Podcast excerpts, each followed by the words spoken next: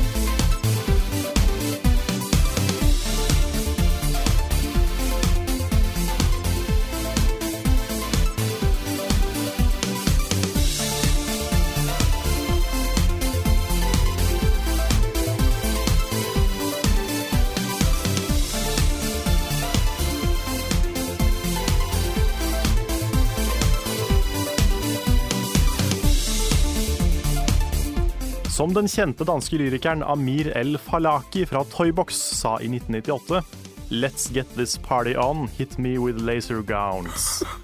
Velkommen til en ny episode av Level Upcast med Rune Fjell Olsen og meg, Karl Martin Oksnes. Åssen er formen, Rune? Nei, Den er OK. Ja. Den er ok, den eh, steg litt eh, nå på introen her. Ja, ja Alltid men det er bra. like spent på hva, hva du finner på denne gangen. Ja, det er sånn, Jeg er veldig glad i å liksom prøve å grave opp gamle ting som jeg var into når jeg var liten. Og eh, spesielt liksom, hvis de er litt kleine. Sånne der, eh, gamle sånn barndomsband og sånne ting. Og Toybox er jo en uh, fuckings gullgruve av klein. Har du, husker du de? Det? Nei, jeg vet ikke hva det er engang. Nei, det er eh, altså Se for deg liksom Aqua, Mm. Barbie Girl, bare verre. Okay. Så har du Toybox. Ja, Men er det noe galt med Aqua? Altså, det er ikke noe galt med Aqua. Det var bare et veldig en morsomt eh, si, symptom av 90-tallet. Mm, Aqua var sånn eh, De ble store da jeg begynte å jobbe i VG. Eh, og da jobba jeg mye på front og redigerte ting og med rampelysstoff og sånne ting. Okay. Og Aqua var liksom Det var det shit. Ja. Det var Ja, altså, gøy å følge de og Jeg gikk liksom på, på barneskolen. Jeg, du gikk på barneskolen? Ja, ja, men ikke, med, ikke med Aqua. Nei, Nei, okay. faktisk med niesa til Aqua-Lene. Ja, for hun er fra Tønsberg, er hun ikke det? Jo, det, Mm. Mm. Husker du dukka opp noen interessante bilder av henne. ja, det, det stemmer det. Mm. Det var han der, eh, ja, han svære mannen som var slem. Det, var, eh, det var rett og slett morsomt tabloidstoff å følge over eh, tid. Ja, det var det. Men Toybox er altså Det er en altså fattigmanns Aqua, basically. Ja. Og det er dritmorsomt. Det er liksom Du har jo Boys Voice, som var en parodi på den musikken der. Mm. Uh, Toybox er verre, okay. og ikke en parodi, Nettopp. på en måte. Så det, det, det er utrolig mye underholdning i det der, altså. Hmm. Veldig lang digresjon der, eh, helt i starten, men eh, sjekk ut noen av musikkvideoene til Toybox. Det er herlig, herlig klein 90-tallsgreier. Fantastisk. med sånn dårlig bowling 3D og alt mulig. Mm. Sangen Best Friend og Tarzan and Jane, det er liksom Det er en verden jeg ikke helt sikker på om jeg har lyst til å utforske, føler jeg. Jo, det er, eh, det er verdt det. Mm. Ja, nei, men Det høres bra ut. Går det bra med deg? Det går bra med meg. Mm. Det er eh, ja, god form. Klar for en ny podkast. Ja, godt. Spilt, uh, spilt ting og alt mulig. Ja, det er veldig bra.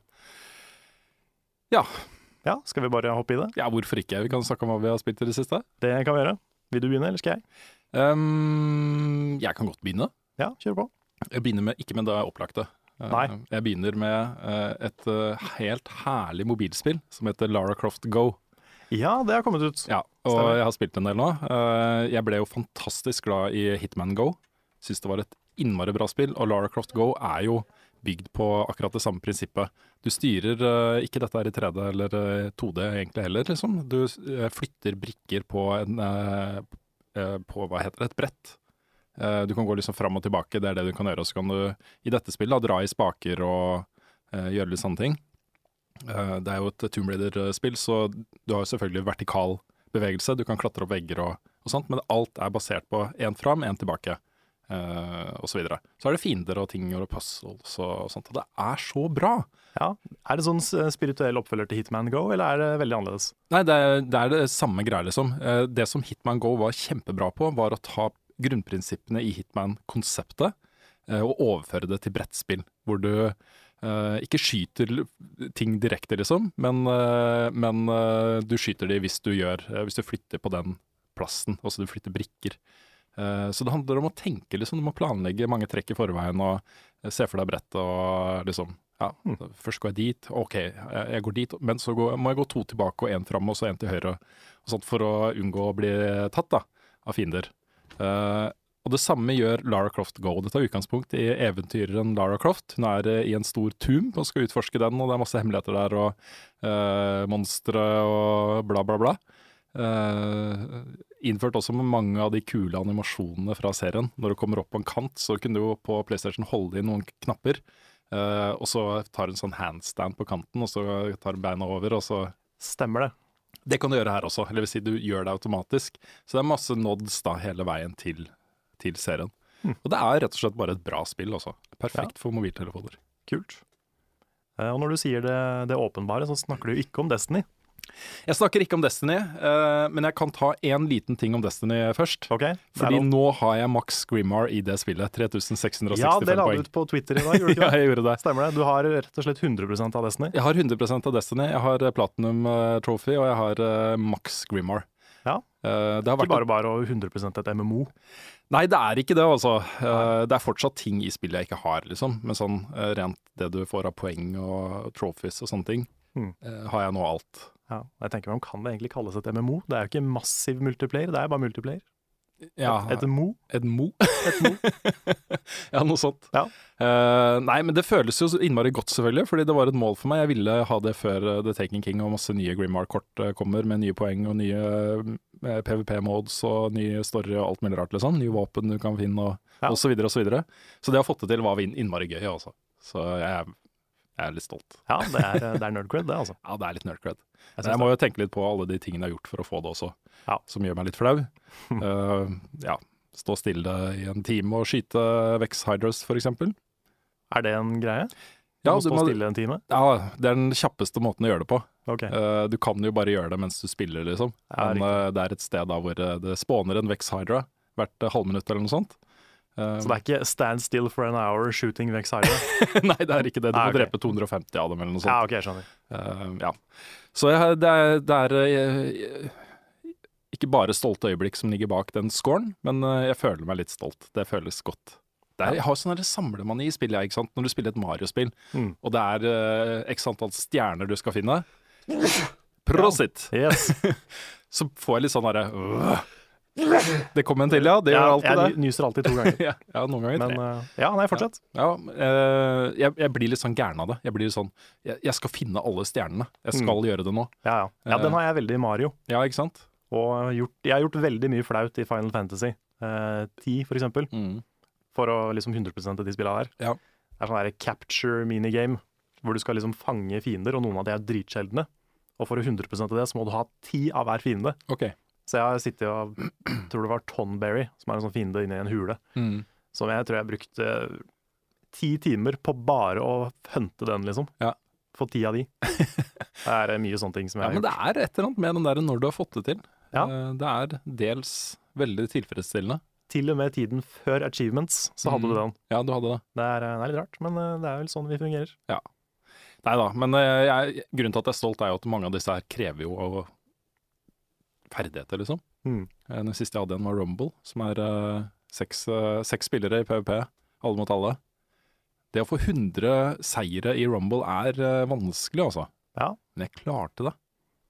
Ja ja. Mm. Ja, Eh, gratulerer. tusen takk, tusen takk. Jeg er veldig fornøyd. Uh, og hvis du vil høre mer eh, Destiny-prat, så får du det ikke her, men vi har laga en egen Destiny-podkast som heter Radio Cosmodrome. Stemmer, stemmer. Den kan søkes opp i uh, YouTube, og så ligger den også på Soundcloud-siden vår, som er soundcloud.com slash levelupvgtv levelup VGTV. Så ja, masse Destiny-prat. Masse Destiny. Jipp, jipp. Får dere masse, masse nytt å snakke om neste uke. Også det skal jeg love deg. Men det tar vi i den podkasten.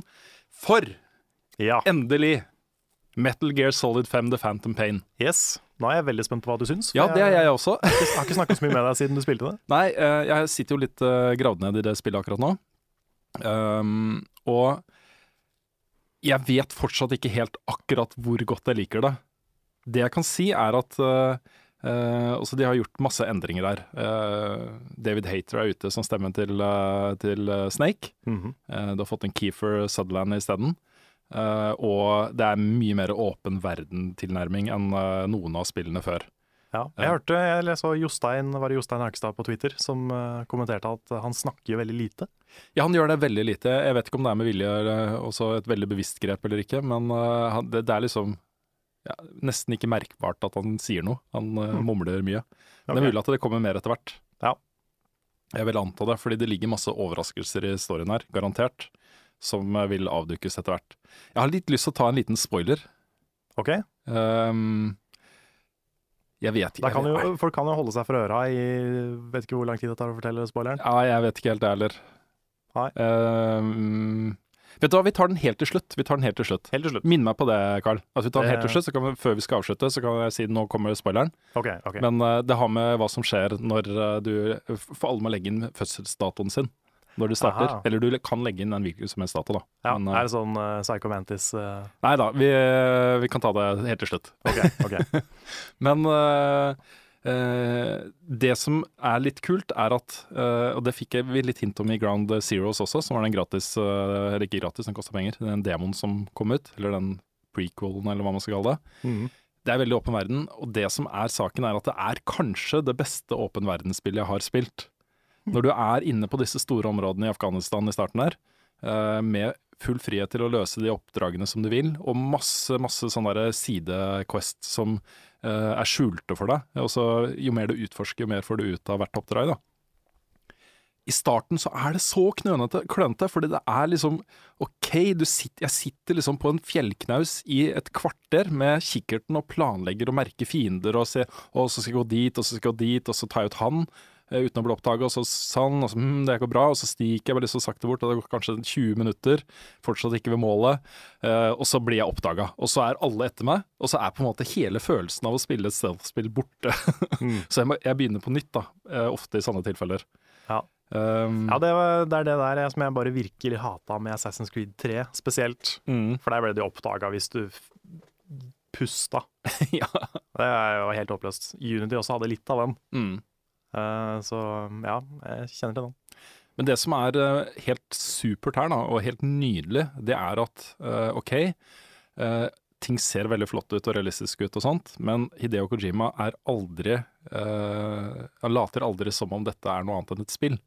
Så alle, all AI-en og ting som skjer i verdenen har veldig klare regler. Så bare du får med deg de reglene, du vet liksom hvor langt unna du kan være en fiende før han oppdager deg. Du vet eh, hvilken syns... eh, altså hvilken eh, def, Hva heter det? Bredde, hvilke breddesyn han har. Mm. Alle disse tingene er liksom, hvordan du bruker close quarter combat og osv. Så, videre.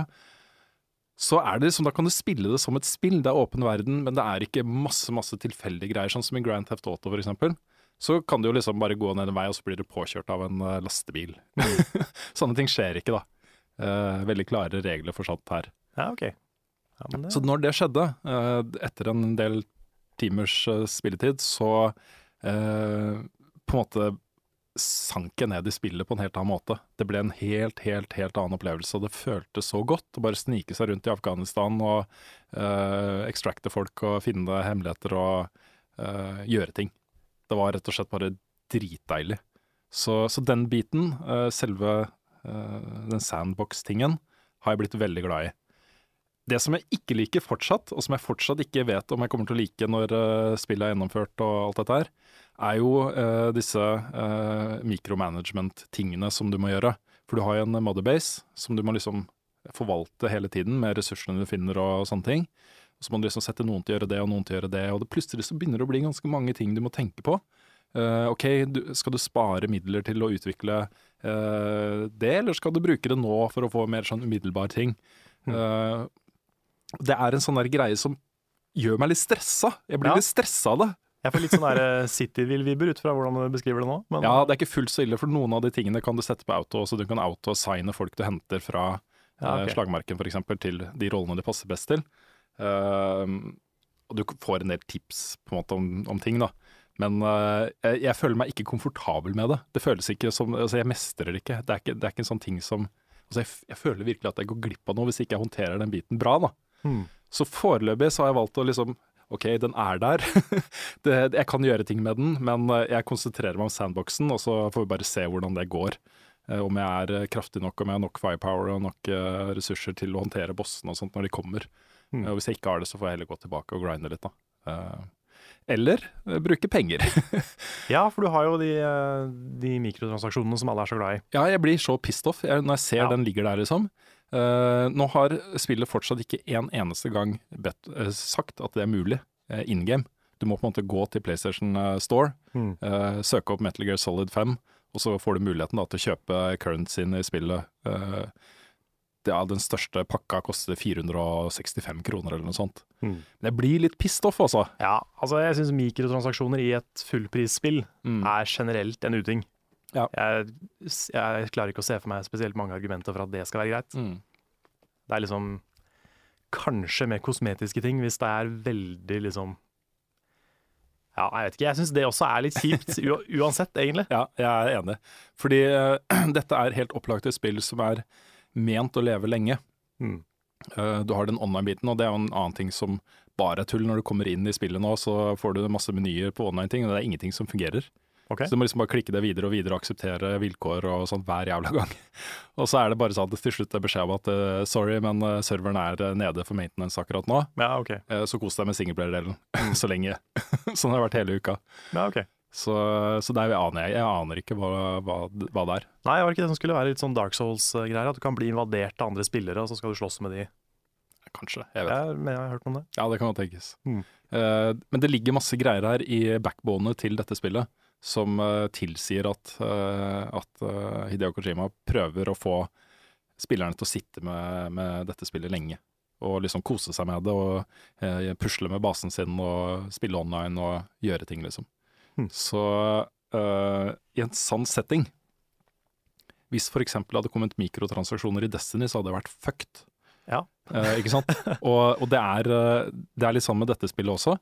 Uh, hvis du først blir en del av den, av det spillet, det universet, og det blir den greia du gjør når du kommer hjem fra jobb eller skole, eller når du er ferdig med å lekser, eller hva som helst, liksom, så er den veien fra å liksom ønske noe i spillet til å få det, eh, hvis du kan bruke penger, så er den så kort. Mm. Den er så kort. Og det er eh, Ja, jeg, jeg syns fortsatt det er ganske uetisk, da. Jeg syns ikke, det er- jeg syns ikke noe om det. Nei, nei, jeg er helt enig. Det er jo, jeg, altså Hadde det vært sånn da jeg si eksempel, som jeg sa i stad, Final Fantasy 10 Hvis du kunne betalt for å få en bedre spawn rate, hadde du sikkert gjort det. ja. For å slippe å bruke de ti timene på å grinde Tonberries, liksom. Mm. Så det, det skjønner jeg at det funker, men det er bittert. Det er det. Uh, den siste tingen som jeg fortsatt ikke vet så mye om i, i, eh, i Metal, Gear, Solid 5, det er eh, disse story-tingene. Eh, det som Altså, i de tidligere spill i serien, spillene i serien, selv om uh, særlig fireren da, var jo ganske open world, den også, til en viss grad treeren, men alle de spillene i serien til nå har vært veldig sånn strømlinjeforma. Du blir pusha ned en path, eh, og møter liksom det ene regisserte øyeblikket etter den andre. I Metal Gear Solid 5 så er det mer du som regisserer uh, opplevelsene, i hvert fall når du er ute i Afghanistan og ute i sandbox-verden. Så, så er det på en måte de situasjonene som oppstår der, er det du som lager, ikke Hideo Kojima. Mm. Og det har jo vært mye cutscenes, uh, særlig introen er bare én kjempelang cutscene hvor du gjør litt, rann, liksom, men som er latterlig kul. Eh, men men jeg har spilt mange, mange timer og føler at jeg har fått for lite Hideo Kojima-story så langt. Jeg, jeg vil ha liksom mer av det. Jeg vet jo det kommer masse, men, eh, men det blir på en måte Tempoet er en, en helt annen da, enn de andre spillene. Så jeg Mm. håper liksom ikke at man kommer til sånn greie hvor OK, uh, her kommer du til et regissert øyeblikk. Det er meningen at du skal føle masse. Eh, så sitter du der, og så har du liksom ikke noe særlig forhold til ting, fordi du har liksom bare vært ute og jakta på ting, materialer og sånt i Afghanistan, og Mm. eh, gjort an masse andre ting, liksom. Um, ja. Så jeg vet ikke, men kanskje. Ja. Jeg håper, håper at det snører seg litt sammen etter hvert. Mm. Ja, for det er jo litt min frykt med open world-spill generelt. Sånn som nye Zelda som kommer. Jeg er litt redd for at det skal bli sånn. Mm. At det bare det blir så flytende. Det blir så sånn uh, Du mister liksom målet ditt, da.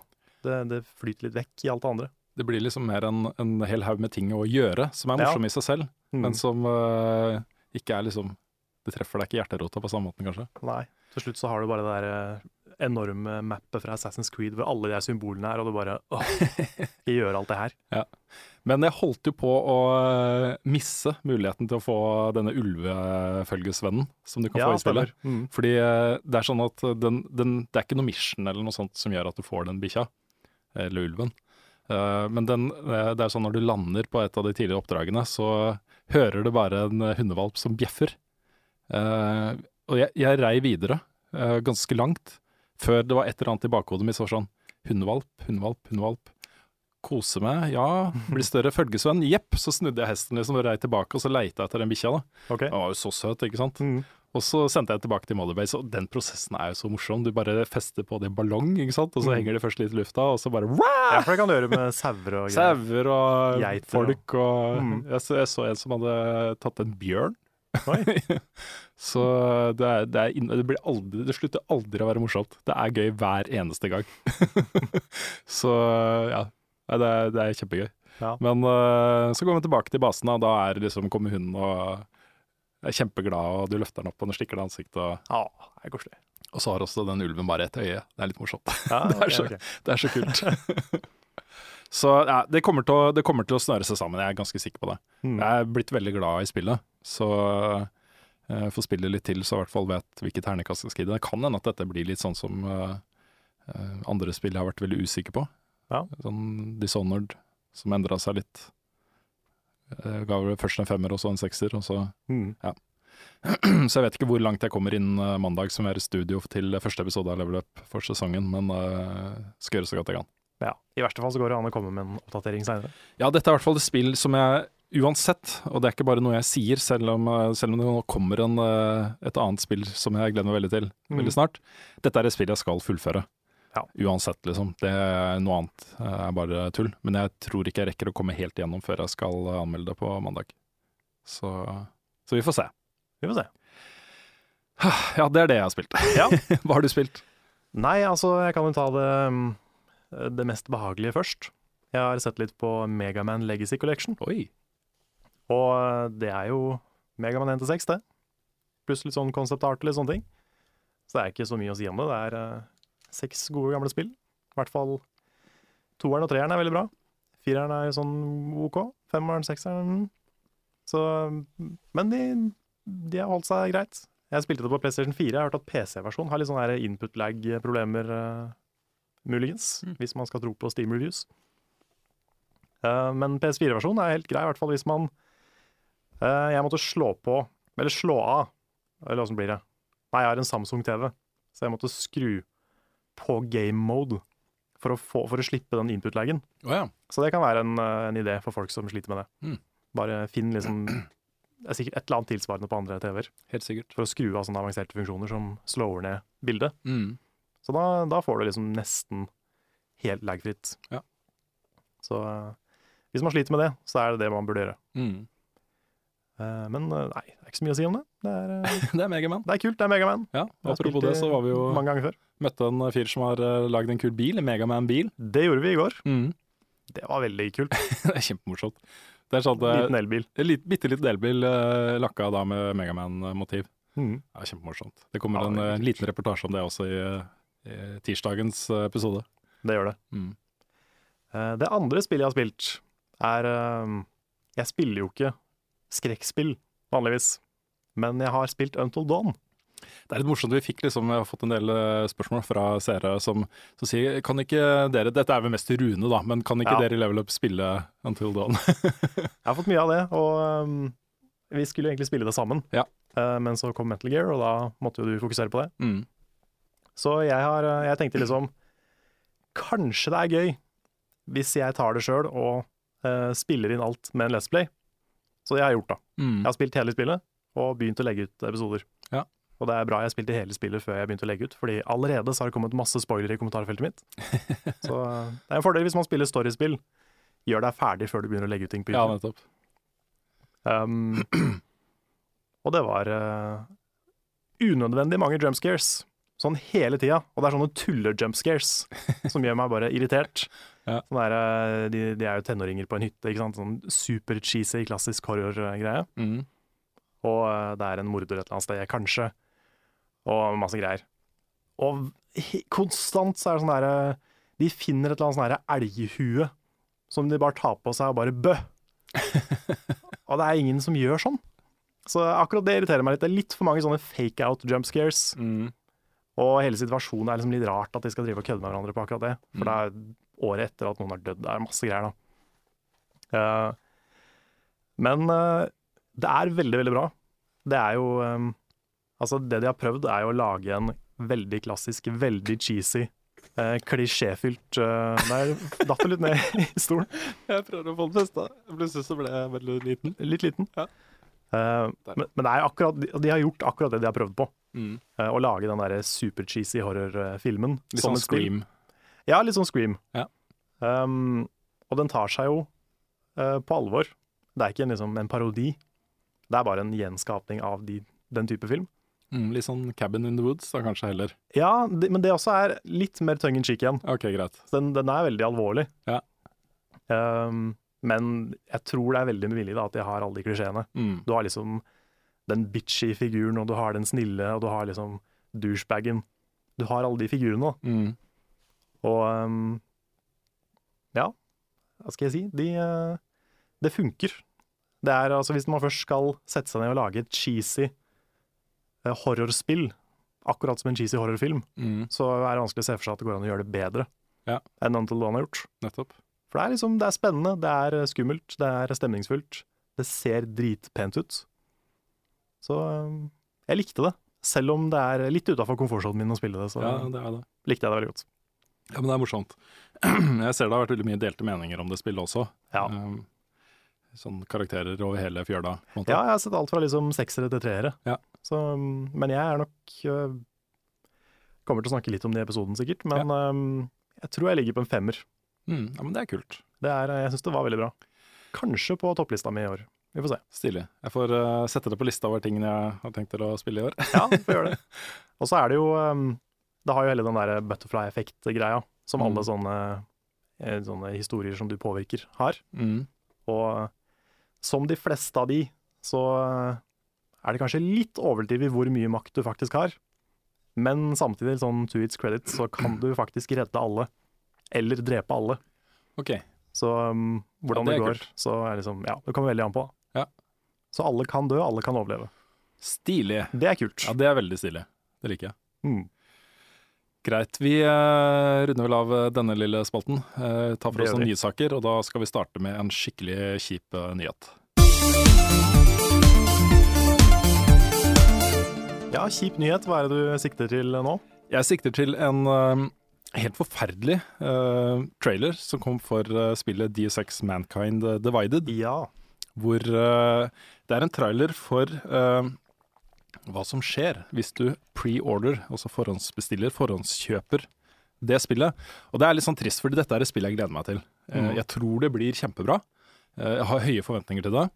Eh, men så er det på en måte to sider av det å lage store blockbuster-spill. Det ene er det kreative teamet som sitter og pusler med sine ting og prøver å lage et så bra spill som mulig. Og så har du en publisher som ønsker å tjene mest mulig penger på det. Mm.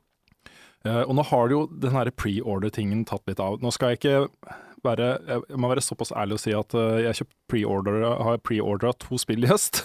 Mm. det ene var Metal Gear Solid 5, eh, for å få liksom, den bioniske armen til Snake. Liksom, så jeg har gjort det. Mm. Men jeg føler meg sånn skitten inni meg når jeg gjør det. Ja.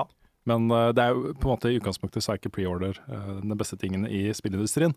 Men Square Enix har nå gjort eh, liksom tatt den så langt at eh, OK, her må vi bare si det holder, det er nok. Ja, ja, altså de har, de har satt kronen på drittkaka, kan vi kanskje si, når det gjelder uh, augment your augment of pre-order-greia Et eller annet. de har gjort nå. Ja, nå husker jeg ikke alle, alle rewardsene som det var snakk om, men det det handler om i praksis er at uh, ok, hvis så og så mange mennesker pre-order eh, spillet, så låses det én reward opp til alle som er eh, forhåndskjøpte. Mm. Hvis det er enda flere gjør det, så er det en reward til, og så enda flere, så er det en reward til, og så er det den siste tieren som er hvis eh, de når den milestonen med så antall mennesker som pre-order eh, dette spillet, så låses det opp fire dager før for de som har forhåndskjøpt det. Wow. Wow.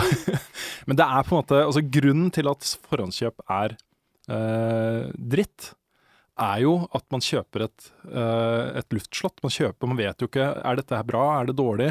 Mm. Eh, det som kan skje sant, hvis, eh, hvis veldig mange forhåndskjøper et spill, så er det ett fett da, om spillet er bra eller ikke. For da er jo pengene er jo tjent inn, på en måte. Mm. Og det er Sånn kan det ikke være. Nei.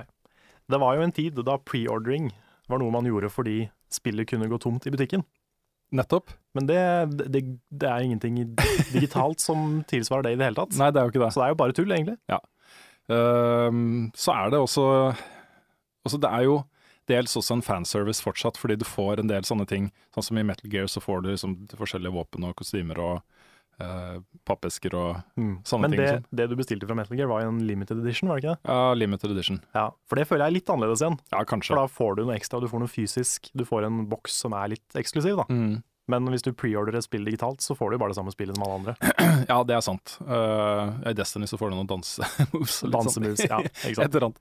Men, uh, men uh, jeg blir liksom litt pissed off, fordi, fordi det tar på en måte kunsten ut av spill og gjør det til en sånn her bare ren kommersiell ting. Mm. Og det er eh, Det kan skade spillmediet på, på både kort og lang sikt. Ja. ja, for det de har gjort her, er jo å lage sånn type kickstarter reward-system for forhåndsbestilling. Ja. Og øh, for å få inn mest mulig. Altså, grunnen til at de vil ha forhåndsbestilling, er jo for det første å selge ting før den er ferdig. Mm. Uh, og liksom unnslippe uh, skred av anmeldelser og sånne ting. Men øh, jeg vet ikke, er, det noe annen motivasjon bak det? Er det for å finne ut på forhånd hvor populært spillet kommer til å bli? Er det noe sånt? Det er bare penger, eh, og det er flere grunner til at, eh, til at de gjør det. Eh, alle er på en måte kommersielt eh, fokusert. da. Hmm. Eh, det man begynte å se mer og mer av for noen år siden, var eh, store, store spill som, eh, som det hadde blitt lagt mye energi inn i.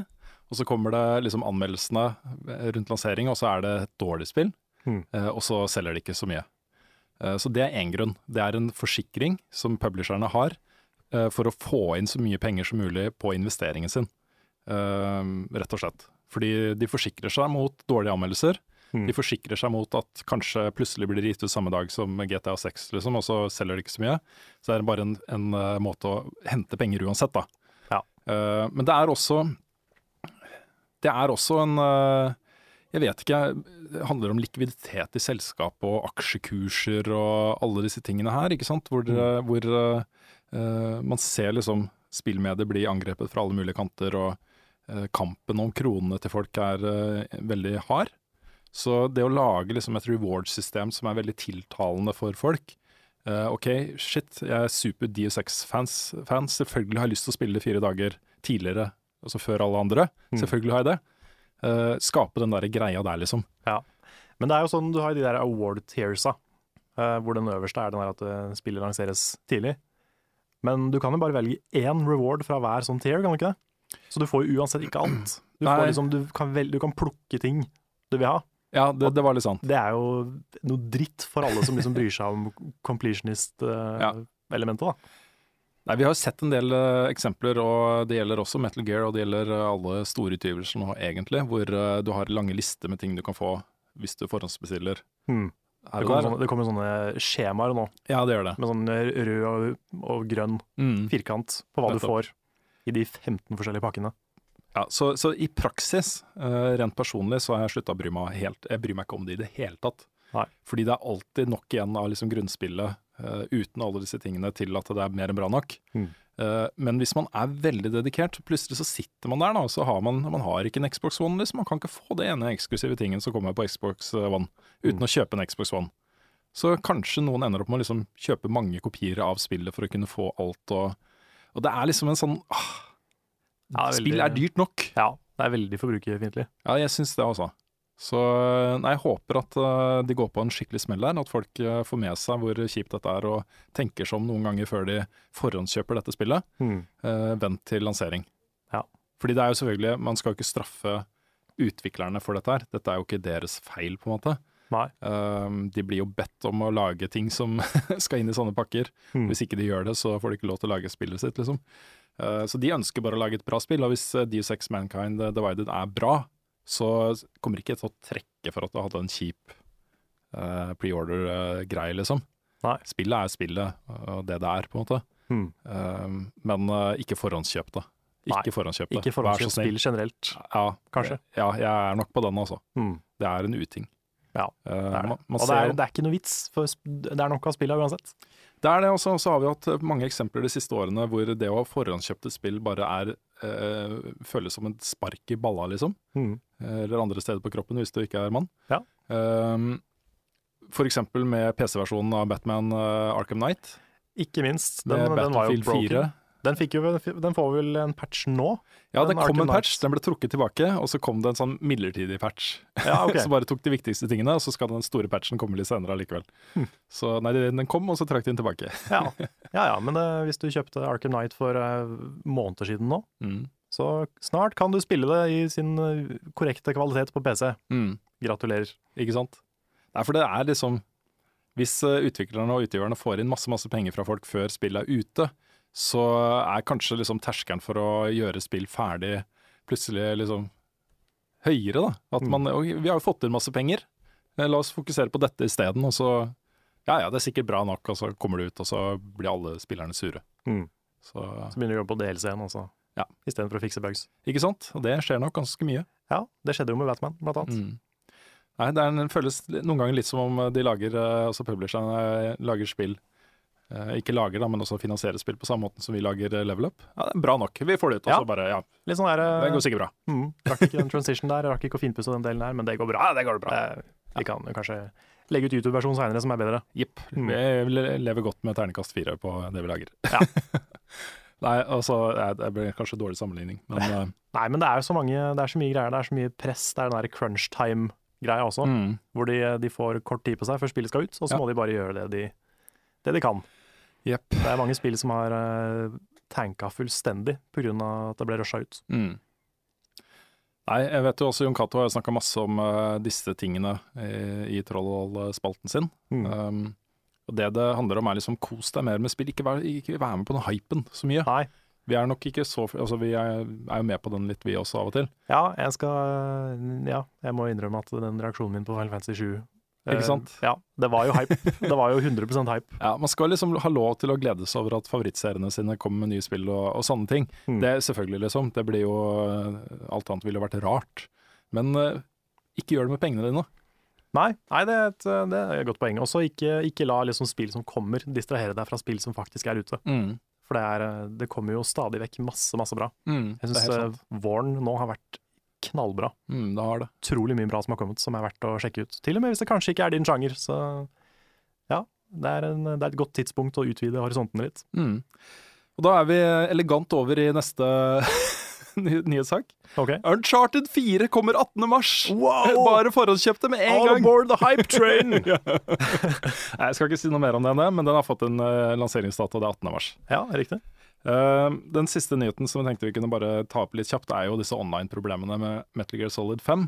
For det føles jo så teit å sitte der med et spill, og så er det liksom bare Det er så mange menyer og ting du må klikke på, og akseptere og brukeravtaler og, og så videre og og så kan du ikke bruke det. Det er Mm. veldig forstyrrende element, faktisk. Ja. Jeg opplevde en litt sånn der um, Jeg var jo jeg en av de uheldige som vokste opp med, med Sega og Sonic. Og jeg hadde jo en sånn der et veldig sånn spikeren, spikeren i kista-øyeblikk når jeg lasta ned Sonic Runners på IOS. For der, eh, der starter du spillet, og så kommer det én notification, og så en notification til, og så en til, og så en til. Og så er det sånne blinkende salgknapper overalt. som liksom, og sånne små eksplosjoner. Og så står det, bare som en sånn siste sånn der insult to injury, Happy birthday, Sonic. og jeg ble så sinna og lei meg. Ja. Det er bare, Jeg orka ikke å spille mer. Nei, det er, eh, det er trist altså at det er sånn. Det er veldig trist. Da vet jeg ikke om eh, Metal Gear Online er noe jeg kommer til å bruke mye tid på uansett. Nei. Men eh, det hadde i hvert fall vært OK å teste det. Hver gang jeg har gått inn i det spillet, så har det vært nede for maintenance. Hm. Så ja, der har det skjedd ting som eh, ikke er helt eh, bra. Ja. Det er jo også en ting med alle de anmeldelsene som kom ut før spillet ble lansert. De har ikke fått testa online. Nei, og de har heller ikke testa en helt ferdig versjon av spillet. Nei. Så eh, For det var et review-event som de ble invitert til, ikke sant. mm, stemmer. Mm. Vi var også invitert. Ja, vi var det kanskje. Takk og nei. Takk og nei. Kunne ikke ta opp egen video. Nei, riktig. Så Riktig, riktig. Så sånn ble det. Mm. Uh, vi skal svare på en del spørsmål som har kommet inn, og det blir enda mer Metal Gear, fordi det har kommet inn mye Metal Gear-relaterte spørsmål, så vi kan jo kanskje starte med de. Det kan vi gjøre.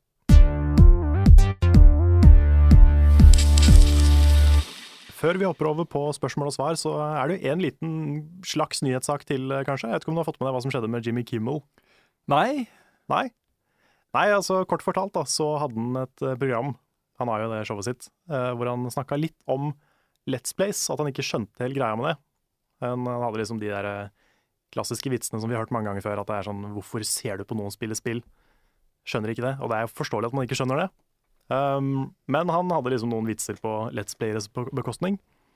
Og eh, som følge av det så fikk han den verste backlashen han noen gang har fått Ja. I karrieren sin, ja, det kan jeg tenke meg. med godt over liksom 10 000 uh, hatmeldinger om at han burde få kreft og dø og mye sånne ting. Mm. Så, eh, og nå har han, gått- nå har han laga en video sammen med noen Let's Playere som prøver å lære han hva Let's Plays er for noe. Nettopp. Så han har liksom prøvd å svare litt på kritikken. da. Ja. Men eh, hva syns du, er, vi, eh, er gamere altfor hårsåre? Eller burde, burde vi tåle liksom at en komiker tuller litt med Dette her, eh, Vi opplever jo litt av det samme selv også, at vi er fortsatt interessert i spill selv om vi begynner å bli eldre og, eh, og sånt. Manglende forståelse for, eh, for det som er vår lidenskap og hobby. Mm. Uh, og gamere har jo vært liksom i, forsvarsposisjon ganske lenge. Ja, det er sant. Det var jo eh, Jeg var jo så heldig at jeg vokste opp tidlig på 90-tallet. Og det, ikke, det var ikke kult å være nerd uh, in the 90s. Nei. Det var, eh, det var noe av det minst kule det kunne være. Mm. Så jeg skjønner jo hvor det har kommet fra. Litt den der forsvarsposisjonen, litt den der defensive. Mm. Dette er mer enn bare en, en uh, time waster og en hobby, liksom. Mm. Og jeg skjønner at det er viktig for folk å, å poengtere det. Men samtidig så føler jeg at vi har vunnet den kampen nå. Ja, vi har det. Vi, det, er, det er nerder som styrer verden nå. ja, det er Det er liksom alle de store filmene, TV-seriene. Det er fantasy, det er superhelter, det er liksom sci-fi. Det er nerder som styrer underholdningsverdenen nå. Så- Ja, og det, det er på en måte øh, Altså, man kan godt la Jimmy Kimmel være litt i fred, fordi altså, jeg, jeg har sansen for han, jeg syns han er morsom, jeg syns showet hans er morsomt. Mm. Men uh, alle de som jobber med tradisjon tradisjonell TV, har god grunn til å føle seg litt stressa, liksom. Ja, Fordi, det og det opplever vi jo i Norge også, at uh, veldig, veldig, veldig mange mennesker er helt borte fra den tradisjonelle mediesfæren og over i YouTube og de ser på Let's Place og de følger deg, og de følger Lars og uh, Prebz og Dennis. Og, så Prebz og Dennis har 150 000 abonnenter. 150 000 150 000 nordmenn som følger de på YouTube. Mm. Uh, er abonnerer på de. Helt insane. Ja, det er helt insane. Så det er en helt ny mediehverdag der ute. Og når det sitter en sånn representant for det gamle da, og liksom håner eh, det nye, mm. så er det mer, det går går mer utover Jimmy Kimmel enn de han håner, føler jeg. Ja, ja, det er sant. Og det var, jo ikke, det var jo ikke bra vitser han kom med. Nei. Det var jo bare, det poengterte jo bare at han ikke visste helt hva han prata om. Ikke sant? Uh, så jeg skjønner at folk reagerer. Men jeg syns vi må slutte å være så defensive. Mm. Det er liksom, Du ser det jo på overalt så fort noen våger å enten tulle med eller kritisere enkelte deler av spill. Uh, I hele fuckings hele fjor så vi jo det, at eh, gamere kan bli ganske jævlige når man provoserer det. Absolutt. Og det er jo ikke så positivt. Nei. Hvis liksom en gamer-backlash er det verste Jimmy Kimmel har opplevd i karrieren sin, Mm. så mye han har snakka om, så er jo det litt skummelt. Ja, jeg syns det er trist. Uh, det de burde ha gjort, er bare kunne de største Let's Playerne bare invitert han eh, med på noe greier. Ja, ikke sant? Det var jo det han gjorde nå. Ja, Så han gjorde det, men de burde gjort det i stedet. Ja, de burde det, er sant. Ikke sant? Det er godt. Hør her, Jimmy, vi skjønner bare at du er en gammel mann som ikke har forstått helt hvordan ting fungerer i dag. Mm. La oss vise deg. Ja. Så hadde det kanskje vært en bedre reaksjon. Og det er jo selvfølgelig det er internett, og det er jo en uh, vocal minority, mest sannsynlig. Mm. Men det er uh, er det, er det mye av det i- innen gaming, tror du det? At det er i forhold til andre ting? Jeg vet ikke. Nei. Det er kanskje det. Ja, jeg vet ikke om det er, jeg vet ikke hvor den kulturen i så fall kommer fra. Nei, det er nok mye sånn forsvarsposisjon-ting, tror jeg. Eh, sannsynligvis. Ja. Det er, eh, ja. Det er jo litt, litt synd. ja jeg syns det er veldig dumt. Så eh, kanskje en liten oppfordring om å være litt mindre hårsår Ja. på ting. Det er, det er bare, bare jokes. Ja, Det er ingen som å, ingen som kommer til å ødelegge spill med noen uh, uinformerte vitser. Nei, og Let's Plays eh, fortsetter å være så stort eh, det er, og enda større etter hvert, Uh, uansett hva Jimmy Kimmel sier. Ja, Definitivt. Så jepp. Greit, skal vi ta noen Metal Gear-spørsmål? Det kan gjøre. Um, så vi unna, har vi gjort unna det. Et fra eh, Jakob Skrede Langedal, som vi får mange fine spørsmål fra eh, ellers også. Mm. Hva syns jeg om spillet? Han sier at han har spilt det siden lørdag, og foreløpig hadde det fått ni av ti fra meg pga. noen utrolig frustrerende oppdrag. Hva mener du? Og Det var jeg litt inne på i stad. Uh, ja, det er en sånn i starten for meg en syv av ti, kanskje. Åtte av ti på liksom gameplay, fordi det er frustrerende. Jeg forstår det ikke helt, jeg får det ikke til å funke. Eh, Jeg blir oppdaga på ting som er min egen feil, da, men som føles bare knotete. Mm. Så selv om introen, selve introen, eh, hvor han våkner opp på sykehus og ligger i koma i ni år, er bare helt mind-blowing kul, eh, så er på en måte de første timene etter det knotete. Så jeg er enig med Jakob eh, der. Det starter, eh, starter litt eh, trått, men det går seg veldig fort til. Det tar ikke så lang tid. Hmm. Jeg husker også særlig Metal Gear Solid 3. eh, Så hadde man en tre-fire timer i starten der som var helt like. Fordi det er et, det er et veldig stealth-basert spill, da, eh, hvor du bruker forskjellige typer kamuflasje basert på hvilken, hvilket underlag du er på, så du må bytte kostymer og sånt hele tiden. Eh, og hele den pakka der var liksom vanskelig å forstå. Det var, det var ikke så lett å komme inn i det. Men når man først gjorde det, så var det bare insane bra. Så jeg, jeg håper jo femmeren også kommer dit, da. Et spørsmål fra Thomas Kolsus, som jeg da faktisk svarte på akkurat nå. Uh, introen til det nye Metal Gear Solid-spillet har fått mye oppmerksomhet. Hva synes du? Er den bra eller dårlig? Ja, den var bra. Jeg syns den var kjempebra. Jeg skjønner at er delte meninger om den, fordi den er veldig regissert. Uh, det handler mye om liksom sånne visuelle og audiovisuelle ting, liksom inntrykk, Uh, og mye kryptisk historiefortelling. Her har det skjedd ting, og her skal det skje ting som du ikke aner hva er. Du ser liksom noen av bossene du kommer til å møte senere, sannsynligvis. Uh, og det er, det er veldig sånn filmfølelse over det. Uh, men jeg likte det veldig godt. Jeg syns det var kjempebra. Det var veldig Hideo Kojima. Så ja. Hmm.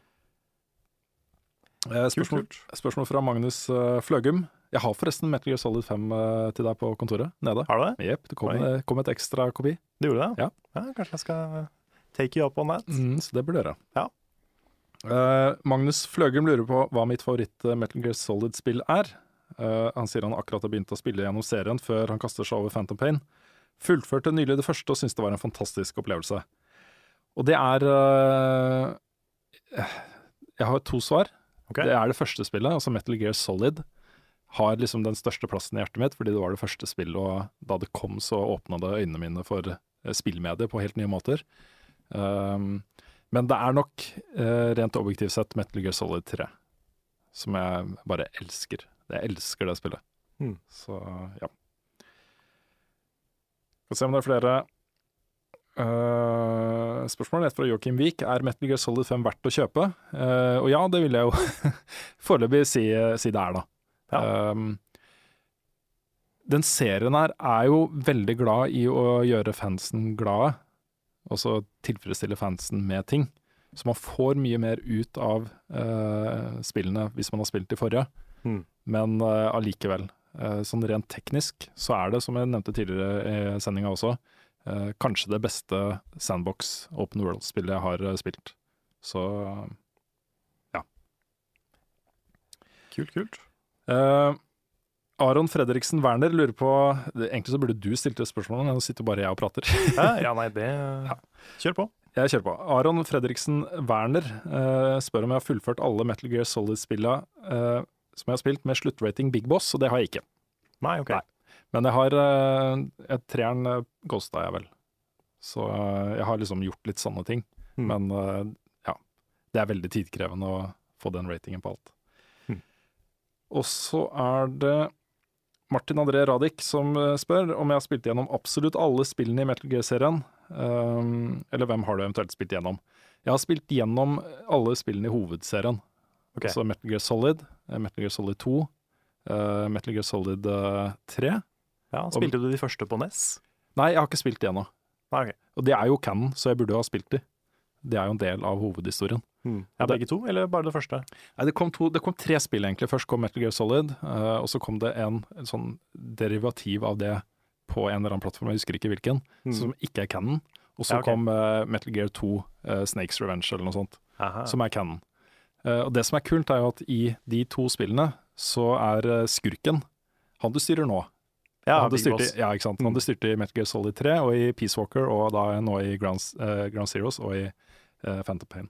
Stemmer. Så det er liksom Sirkelen er på en måte slutta. Ja, for det er jo det er mange snakes, basically. Det er mange snakes. Det er i hvert fall noen, noen snakes. Noen snakes. Ja. Så øh, de er jo helt like hverandre, men det er forskjellige personer. Ja. Uh, og så kommer det inn noen tvillinger og noen greier og noen kloner og Noen ganger så bytter de stemme og Ja. så jeg har ikke spilt gjennom Peace Walker, som Nei, okay. er can, et Cannon-spill. Det er en del av hovedhistorien. Men uh, Metal Gear Solid 1, 2, 3 og 4 har jeg spilt gjennom flere ganger. Skjønner. Hva med Rising, er det canon? Uh, nei, det er ikke canon. Revengeance? ja, det er ikke canon. Det er jo da eh, Raiden som er hovedpersonen i det, og han Ja, var jo en av de to du styrte i Metal Gear Solid 2, som var den store twisten der. Riktig. Uh, skal se, nå ble jeg litt på Facebook-tråden vår. Ja. Om det er flere Metal Gear-spørsmål før vi skal gå videre. Jo, Ole Magnus Nord Johansen lurer på dersom man ikke har spilt noen Metal Gear Solid, hvor bør man begynne? Er alle spilla bra? Og det er de. Mm. Det er fullt mulig å bare begynne på Metal Gear Solid, uh, som kom på PlayStation i 98, tror jeg det var. ja. Det er vel en uh, GameCube-versjon, hvis du klarer å finne den. Den Twin Snakes. Twin er, den, Snakes, ja. eh, er den brukbar å begynne på? Ja, ja, ja, hvis du finner den isteden, så er det bare å gjøre det. Den har høyere oppløsning og sånt.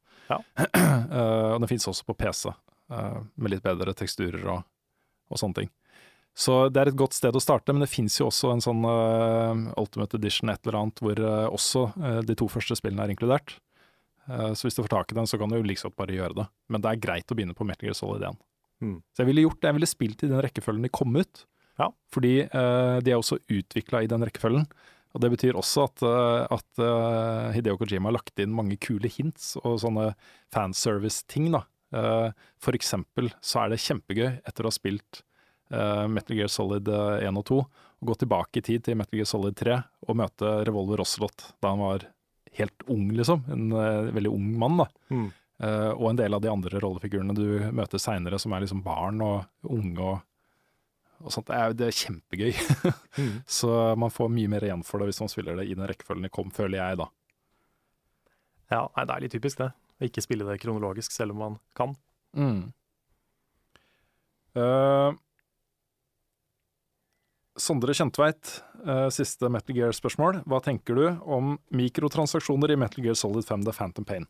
Ja. Det har vi snakka om. Det har vi om. Vi liker det ikke. Nei.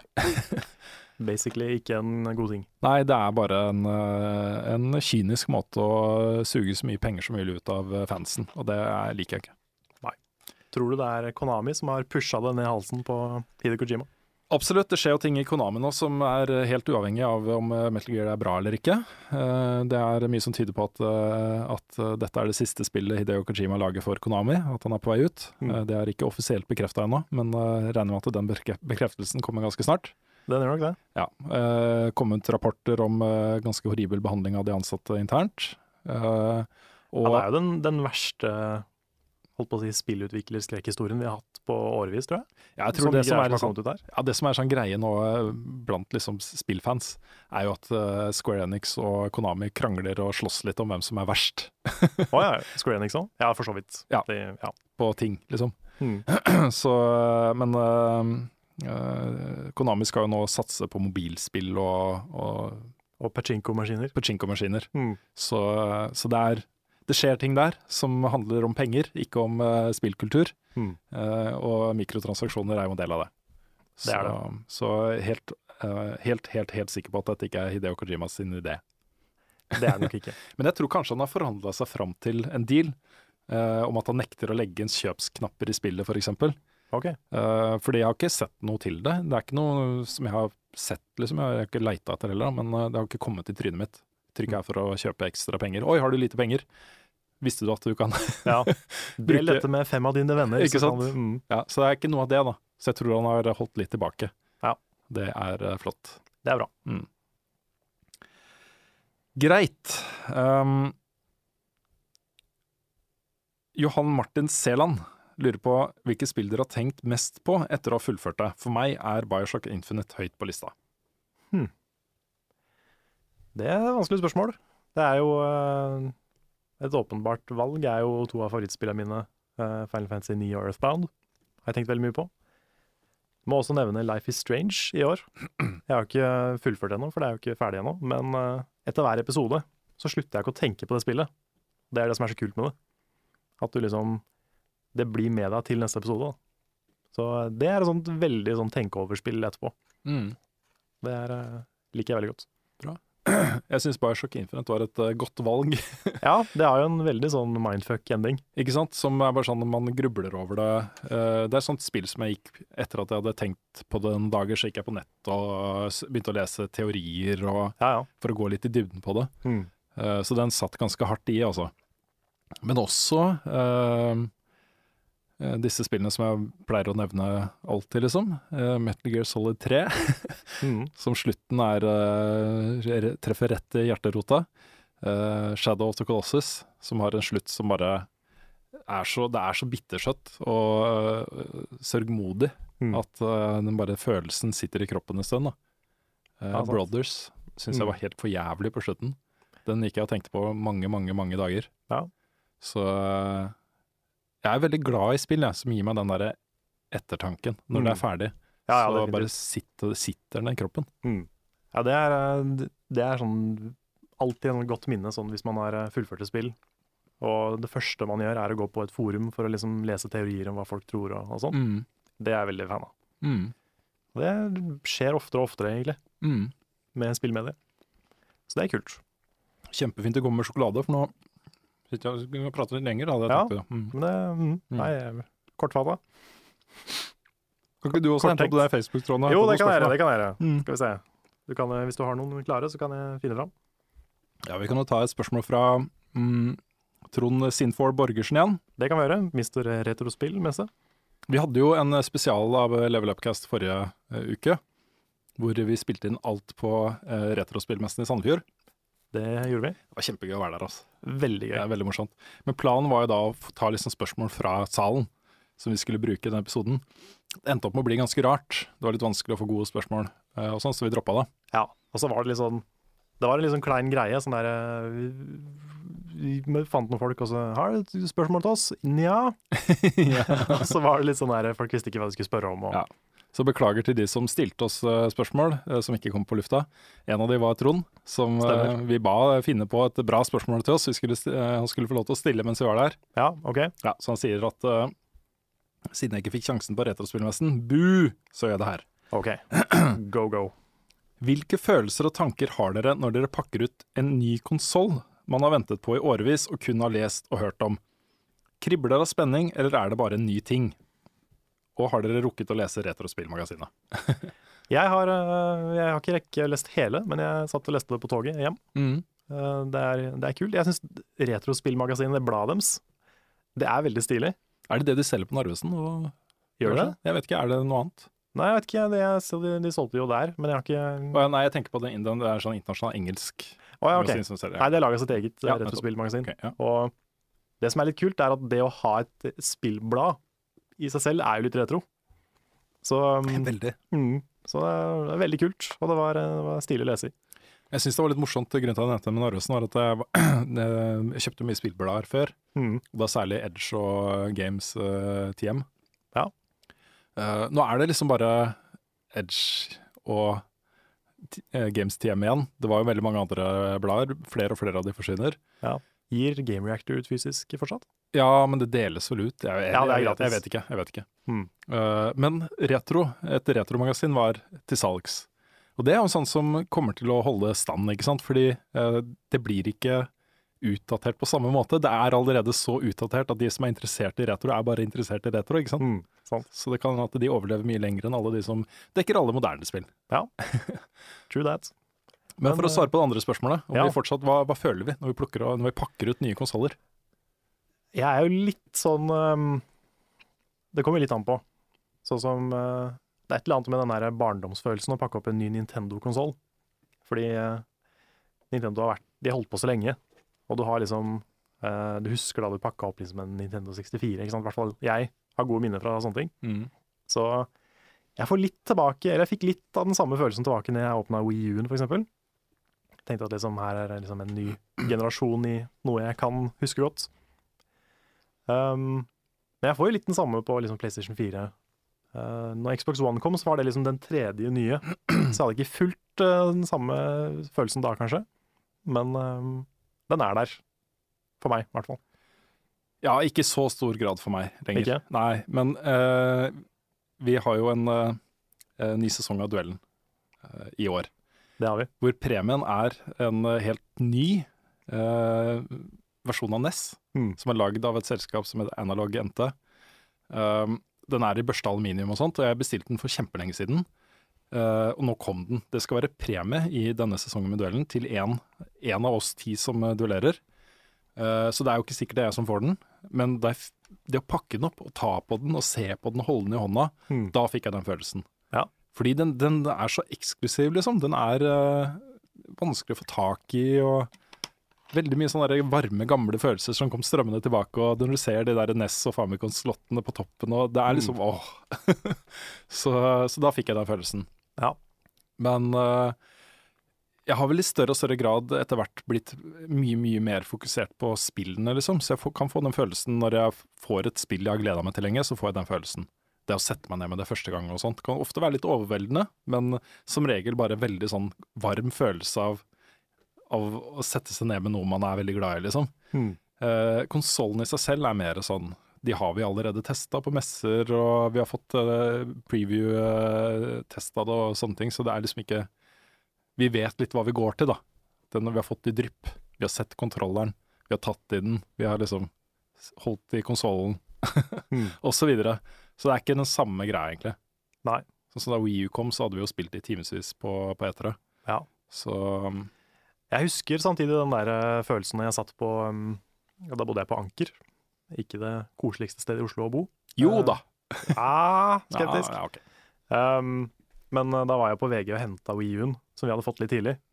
Og, eh, og da sitte på bussen ned til Anker og skulle gå hjem til studenthybelen min med en Wii U, Ja. det var litt skummelt. Ja. Men, eh, men det var veldig spennende også. Mm. Jeg gjorde det samme med PlayStation 4, som jeg fikk eh, noen dager eh, en uke før lanseringen eller noe sånt. Ja. Gikk rundt i byen med den under armen. Det er nok verre i New York, Ja, når. Bjørn var der og skulle prøve å komme helskinna hjem med den. ja, nettopp. Men uh, det er litt skummelt. Du føler liksom at du har en noen eksklusiv gullbarre som du går og holder. ja. Bare det er mange som har lyst på den. Ja. Mm, Håper ikke det kommer noen skumle mennesker og tar deg. nettopp. Greit. Eh, Lars Grøtnes har et spørsmål. Han har, sier han har sett på Let's Play-videoene til Carl og Storm-Lars av Until Dawn. Veldig underholdende og morsomt å se de ulike valgene deres. Har dere sett på hverandres videoer før dere spilte? Og kommer det noe mer, kommer det noe mer video fra Ark? Eh, Jeg har ikke sett på Lars. Jeg tror eh, Lars spilte det jo før meg, Mm. så han har vel ikke sett på meg heller. I hvert fall ikke eh, før han spilte. Nei, Det ville vært veldig vanskelig. det ville vært vanskelig. Mm. Så um, nei, jeg er helt uspoila. Jeg jeg har passa på at jeg spiller alt sammen ferdig før jeg ser på noe. Så eh, jeg vet ingenting om hva som kommer når jeg sitter og spiller. Jeg har sett litt på Lars etterpå. Og det som er litt morsomt, er at Lars skvetter så mye mer underholdende enn meg. Fordi eh, det er noe med at Lars har den derre Han har jo bruker facecam i videoene sine, det gjør ikke jeg. Men han har den derre høylytte rop-skvett-greia. Og den har ikke jeg i det hele tatt. Mm. Det er sånn, jeg, bare, jeg bare sitter der og syns det er ubehagelig. Så når Lars bare hopper i stolen og bare Oi! Så er det kjempegøy. og så hopper det over til meg, så er det mer sånn herre Hvis jeg skvetter litt, så er det wow. Og hvis jeg skvetter veldig, så er det wow. Og det er det. Jeg syns det var så morsomt da vi spilte PT sammen. Å Ja, se men- ansiktet ditt, fordi du, du sier ikke så mye, men ansiktet ditt Ansiktet ditt fortalte tusen ord. Ja, det kan si. Det var sånn vemmelse og sånn derre ja. Men det er, det er sånn jeg har det når jeg spiller skrekkspill. Mm. Jeg bare har det vondt, rett og slett. Ja, det var veldig tydelig på den videoen. Ja. Så det um, Jeg vet ikke hvor mye underholdningsverdi det er i det sånn akkurat det. Nei. Eh, I hvert fall uten facecam. Men eh, jeg håper det er gøy å se på likevel. Ja, vi har snakka litt om å kanskje vise klipp fra både Lars sin og din Let's Play i neste episode. Første episoden av Ja. ny sesongen. Prate litt mer om det i studio også. Ja. Mm. Det syns jeg vi skal eh, gjøre. Ja, det kan vi gjøre. Det en, eh, kan bli en morsom sammenligning. Mm. Det tror jeg. Ja. Så selv om det ser ut som Lars er mye reddere enn meg, tror jeg egentlig jeg er mye reddere. Jeg bare er veldig mye mer stilleredd. Mm. Du er redd inni deg? Jeg er redd inni meg. men Du får ikke sove. Nei, nettopp. Nettopp. Et litt omfattende spørsmål fra Martin André Radik. Okay. Eh, han skriver at PS Vita har ligget i skyggen veldig lenge nå, og jeg kan nok trygt si at mange folks Vitaer har fått samlet opp en god del støv nå. Hva tror dere skjedde med konsollen? Det føles ikke som om den noen gang ble en kjempestor hit. Tror dere Sony holder på med, med en ny bærbar konsoll, eller har de skrapa konseptet PSP? Jeg tror ikke det kommer en ny håndholdt uh, Sony.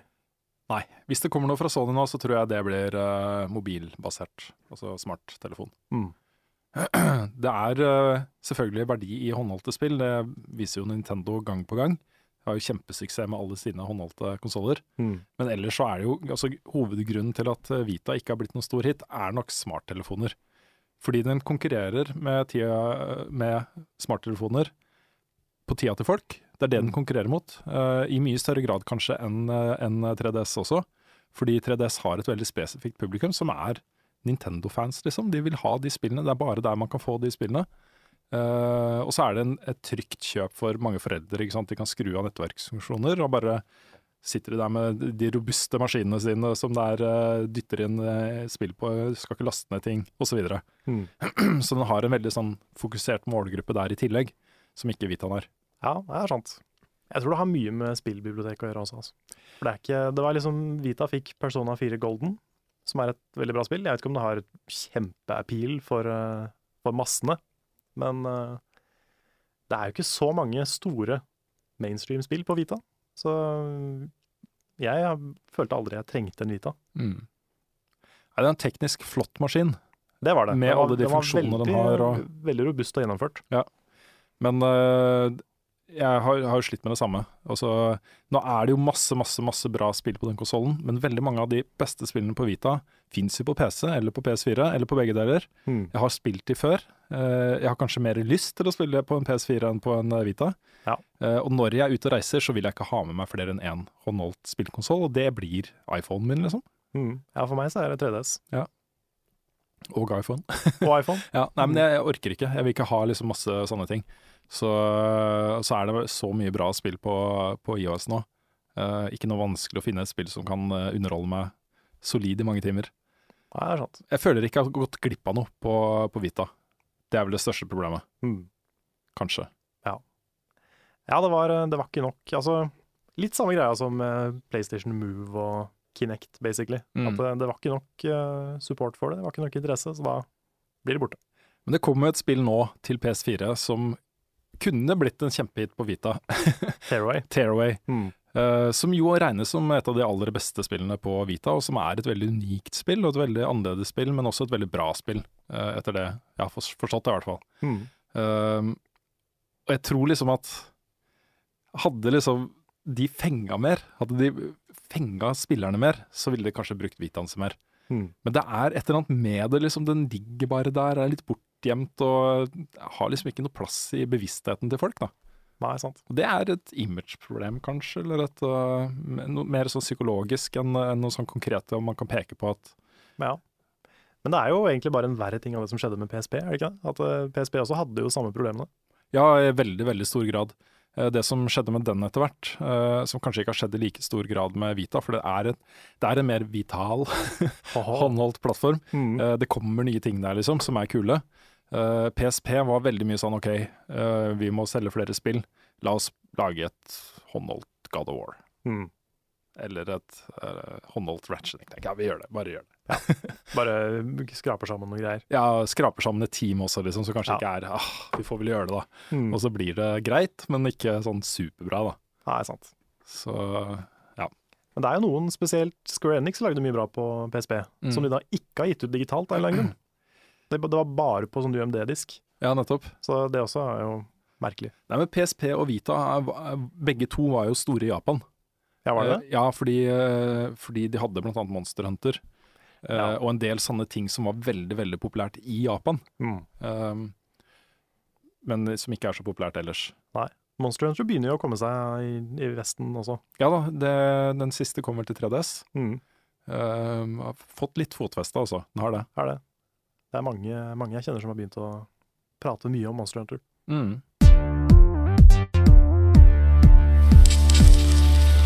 Vi har fått et spørsmål fra Fredrik Sæter. Han spør om det fins noen spill vi kunne satt respektabel speedrunning-tider i. Aha. ja. Eh, nei. Ikke? Nei, også, jeg, jeg eh, gjør ikke det så mye lenger. Jeg gjorde en del av det før, i gamle dager, eh, med Resident Evil og, og sånne ting. Men det var fordi det var rewards, da. For å klare det på uh, under en viss tid, så fikk du kule ting. Okay. Uh, det var ikke for å se om jeg klarte å gjøre det så fort som mulig, egentlig. Nei. Men uh, jeg har liksom mange gode minner fra å bare rushe gjennom Resident Evil-spill på andre eller tredje gjennomspilling. da. Mm. Um, det har vært veldig morsomt. Men ellers Jeg foretrekker nok den type spill hvor jeg kan liksom nyte meg gjennom det, enn å bare haste meg gjennom det. Ja, der er jeg jo. Jeg tror hvis, jeg, hvis det skulle vært ett spill, så Jeg har en decent eh, Decent time, uh, timescore, eller hva man kaller det, i uh, Sonic Generations. Første, første banen. Så kanskje hvis jeg hadde nitrena i Sonic Generations, kunne jeg blitt ganske god. Ja. Ellers så Bloodborne, kanskje. Hvis jeg hadde blitt god i bossene, Mm. så kunne jeg bare løpt forbi alle de andre fiendene. For det er, det er fullt mulig å speedrunne Bloodborne. Ja, for det var sånn man gjorde i Resident Evil. Man Mm. kommer inn i et rom, ikke sant? og så har de en, eh, en path som er lik hver gang. man vet hvilken vei de kaster seg etter deg, disse zombiene, liksom. Så kan du bare løpe andre veien også. Ja. Sikksakk gjennom fiendene, så er du gjennom. Mm. Så ja. ja. Det som er vanskelig, er at du får ikke levela. Eller du får ikke, du får ikke souls som du kan bruke til å kjøpe ting og levele og sånn. nettopp. Så eh, det er det. Da må du være veldig god for å veie opp for det. Eh, Alexander Aanvik ehm, si- skriver at eh, Super Mario Maker kommer neste uke, og det gjør det jo vitterlig. Det gjør det. Skal dere anmelde det, kommer dere til å ha en level design-konkurranse. Det hadde vært morsomt. Det hadde vært veldig morsomt. Det hadde vært veldig morsomt. Det er veldig mye jeg har lyst til å gjøre med Mario Maker. Ja. Det er eh, for det første jeg har lyst til å anmelde det. Jeg har lyst til at vi skal lage baner til hverandre. Mm. Alle som har en Wii U i redaksjonen tilgjengelig. Mm. Sånn eh, hvis du lager en, Lars lager en, Svendsen lager en, Frida lager en, eksempel. Ja. Um, og spille det på stream. Eh, kanskje ha mange streams av det. Mm. Fordi det, er jo bare, det kommer jo bare mer content hele tida. Ja.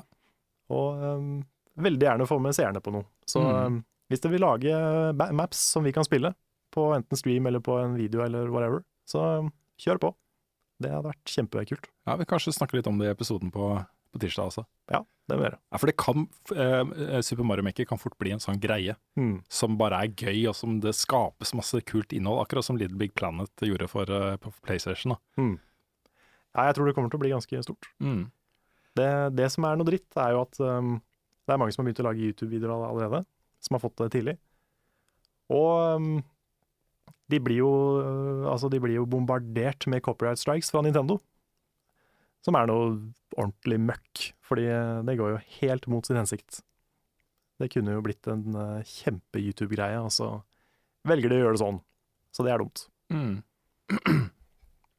Men vi får håpe at de gir seg. Ja. Jeg ser også at Sigmund Tofte eh, har stilt eh, det samme spørsmålet, så kan jeg jo okay. Liten shout-out til eh, Sigmund også. Liten shout-out. Eh, her ser jeg at det er et par andre Metal Gear-spørsmål som jeg missa sist. OK? Jeg kanskje ta det etterpå. Ja, OK. Um, skal vi se Har dere sett Bølgen? Hans Erik Michaelsen lurer på det. Uh, Jeg har ikke sett den ennå. Ikke jeg heller. Veldig lyst til å se den. Ja. Jeg hører folk er veldig fornøyd med den. Ja, det er det. Ja, jeg tror det. Norsk eh, katastrofefilm. Det er spennende. jeg er glad i katastrofefilmer, altså. Mm. Jeg tror jeg er den eneste jeg vet om som elska den derre 2012, eller hva den het. Den uh, oh, ja, ja. Den uh, apokalypse... Jepp. Ja, stemmer. Den, jeg syns den var helt fantastisk. Mm. Altså ikke bra, bra, liksom, men Nei. utrolig underholdende å se på. Mm. Så hver gang jeg er i Los Angeles nå, så bare ser jeg for meg de scenene hvor hele den plata tilter, og alle byene og sånt ramler ned i sjøen. Ja. Kjempegøy. Mm. Ja, men det er, det er litt sånn, eh, sånn jeg ville beskrive i manuset i eh, Until Dawn også. Det er, liksom, det er jo ikke bra-bra, men det er underholdende. Mm. Det er kult. Og det er kult å se det i et spill for første gang. Ja. På den måten. Ja, det er det. Uh, Martin André Radek lurer på om vi har noen tanker rundt Black Ops 3. Og det har i hvert fall jeg. Uh, det ser innmari morsomt ut i multiplayer. Ja, Lars er jo helt frelst. Ja da, og jeg hadde så lyst til å spille betaen på PS4, men jeg lot være, fordi når jeg begynte å se liksom hvordan folk spilte det spillet, det går så kjapt. Mm. Jeg må ha mus og tastatur til det spillet. Altså. Ja. Uh, det er liksom Jeg har blitt mye bedre med håndkontroller på konsoll, selvfølgelig har jeg det. Mm. Men uh, akkurat når det gjelder Black Ops, jeg hadde ikke hatt kjangs. Jeg hadde ikke vært i nærheten. Nei. Det går veldig, veldig fort. Mm. Åssen er det å være ny i Call of Duty nå og begynne å spille online? Eh, Jeg tror kanskje at det er litt enklere nå med Black Ops 3 enn uh, enn det har vært før. Fordi jeg- hver gang jeg har gått online i et eh, Call of Duty-spill, eh, så har jeg blitt grisebanka. Eh, folk er så gode i det spillet og den serien, da, eh, og kan ta med seg ferdighetene sine fra spill til spill. Eh, nå gjøres det ganske mye nytt eh, med multiplayer-delen. Ja. Så du vil nok fortsatt møte folk som er veldig bare generelt gode i skytespill, som man alltid gjør. Men man må lære seg en del nye ting. Mm. Så jeg har plutselig ganske høye forhåpninger. Og så liker jeg også de endringene som gjøres i singleplayer-delen, hvor du kan velge hvilken rollefigur det er. Det er ikke så Ikke nødvendigvis like sånn macho uh, cheesy som det har vært.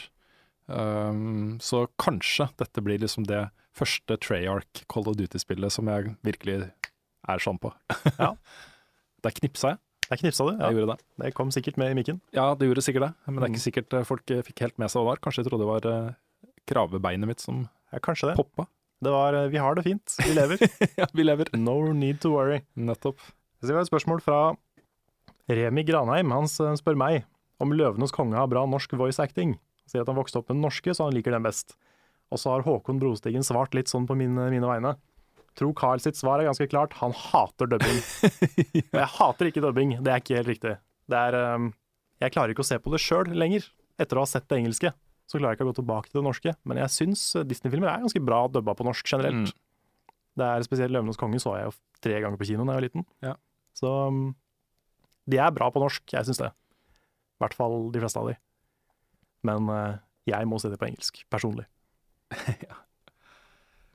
Um, skal vi se, jeg nevnte at det har kommet noen uh, Metal Gear-spørsmål som jeg ikke helt, uh, Ja, stemmer. helt fant. Hvor er det det? Pokkeren ble det av nå, da? Um, ja, fra Anders Malcolmsen. Han lurer på hva mine favorittøyeblikk eller sterkeste minner er fra Metal Gear-serien. Og der er det så mye å ta av. Det er litt vanskelig å liksom velge ett. Men jeg tror nok det må være kampen mot uh, uh, The Boss i Metal Gear Solid 3. Jeg har nevnt den flere ganger i podkasten og i level up-sammenheng før også. Mm. Det er et veldig sterkt øyeblikk. Og det de fikk til i det spillet, var at eh, The Boss var jo den kvinnelige sjefen til eh, Snake, som da ble Big Boss. Det er komplisert dette, men han ble Big Boss. Mm. Uh, og uh, i store deler av spillet så er, uh, er hun da antagonisten. Altså hun prøver å stoppe Snake eh, i oppdraget sitt, og er på andre siden. Eh, og det Metal Gear-serien gjør i veldig stor grad, er jo å drive kritikk av krig. Eh, den er på en måte veldig sånn antikrig eh, da, i hele message gjennom hele sp- spillserien, egentlig. Mm. Og den tar ofte for seg liksom de der flytende grensene mellom hva som er rett og galt, og om å stå på riktig side av en konflikt eller feil side, eller hva er riktig side av en konflikt, osv. Så, videre. så den der for forholdet liksom, mellom da eh, Snake, som er en topptrent elitesoldat, som gjør det han får ordre om, uten å stille spørsmålstegn ved det, eh, og den konflikten han møter når han da eh, må kjempe mot sin tidligere læremester, en person han er veldig glad i, og som som har lært han opp, lært alt, han kan, alt han kan, kan han takke henne for. Ikke sant? Mm. Eh, Så den eh, konflikten her er veldig interessant, da, og Hideo Kojima er så flink til å bygge den opp helt fram til det endelige oppgjøret mellom de to. Og det endelige oppgjøret, måten den er lagd på, eh, måten spillerne blir involvert i den på, måten den er regissert på, stemning av musikken, alt er liksom så utrolig bra laga. Uh, og sånt, Det er ikke engang slutten av spillet. Altså det er uh, sånn to tredeler ut i spillet skjer dette her. Hm. Det er så bra. Det er så bra. ehm, det er så bra. så, så det er nok uh, mitt favorittøyeblikk. Men det er, det er så mange. Det er så mange av de øyeblikkene. Mm. Så det er på en måte jeg føler Metal Gear er en sånn øyeblikksserie. Ja, det er det du også. husker for liksom the moments. Ja, for det, det er på en måte det som er styrken uh, bak i spill som er veldig godt regissert, er at uh, Hideo Kojima dytter oss i en retning, ikke sant. Uh, han gjør ting, gjør grep underveis, som skal lede opp til en payoff et eller annet sted down the, down the road. Mm. Uh, og der er de spillene så innmari bra. Og derfor så kan han også blande liksom ekstremt tullete humor med bunnløs uh, dybde, liksom. Sånn skikkelig kjipe ting, da. Mm. Dødsseriøst ene øyeblikket, uh, fullstendig latterlig neste øyeblikket, men helheten blir veldig, veldig sterk, da. Mm. Så. Ja. Jeg fikk lyst til å spille Metal Gear Solid 3 igjen, altså. Ja.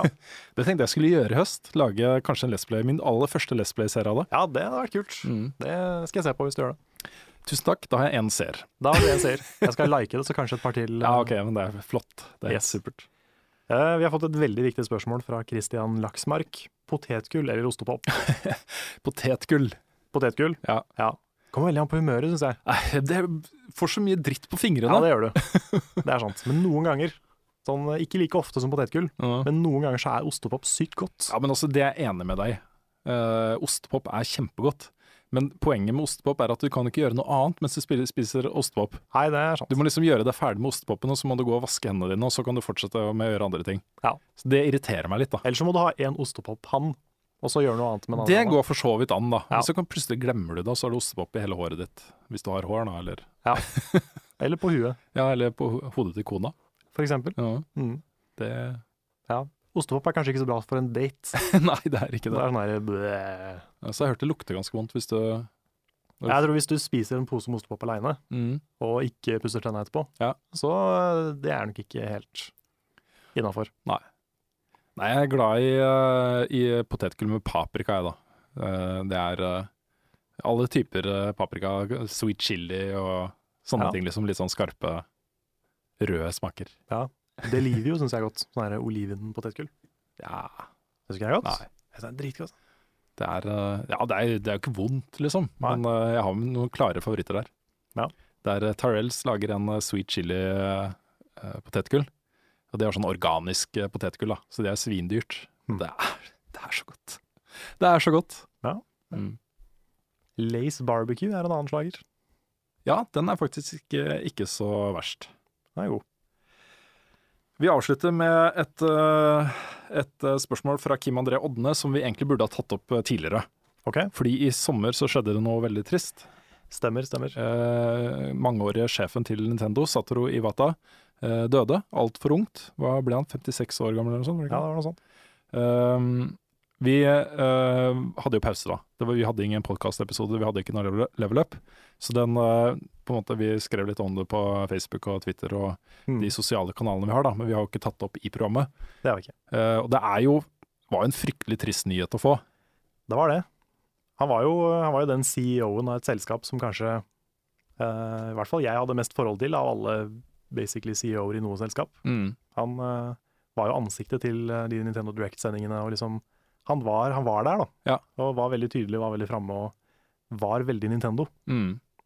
Og så har han også, det har kommet masse sånne post mortems for han, eh, nekrologer, hvor eh, hans betydning for spillmediet har eh, vokst i mine øyne også. Mm. Eh, han er liksom ikke bare en sjef, men på en måte den impact han har hatt på både Nintendo og spillmediet har vært ganske stor. da.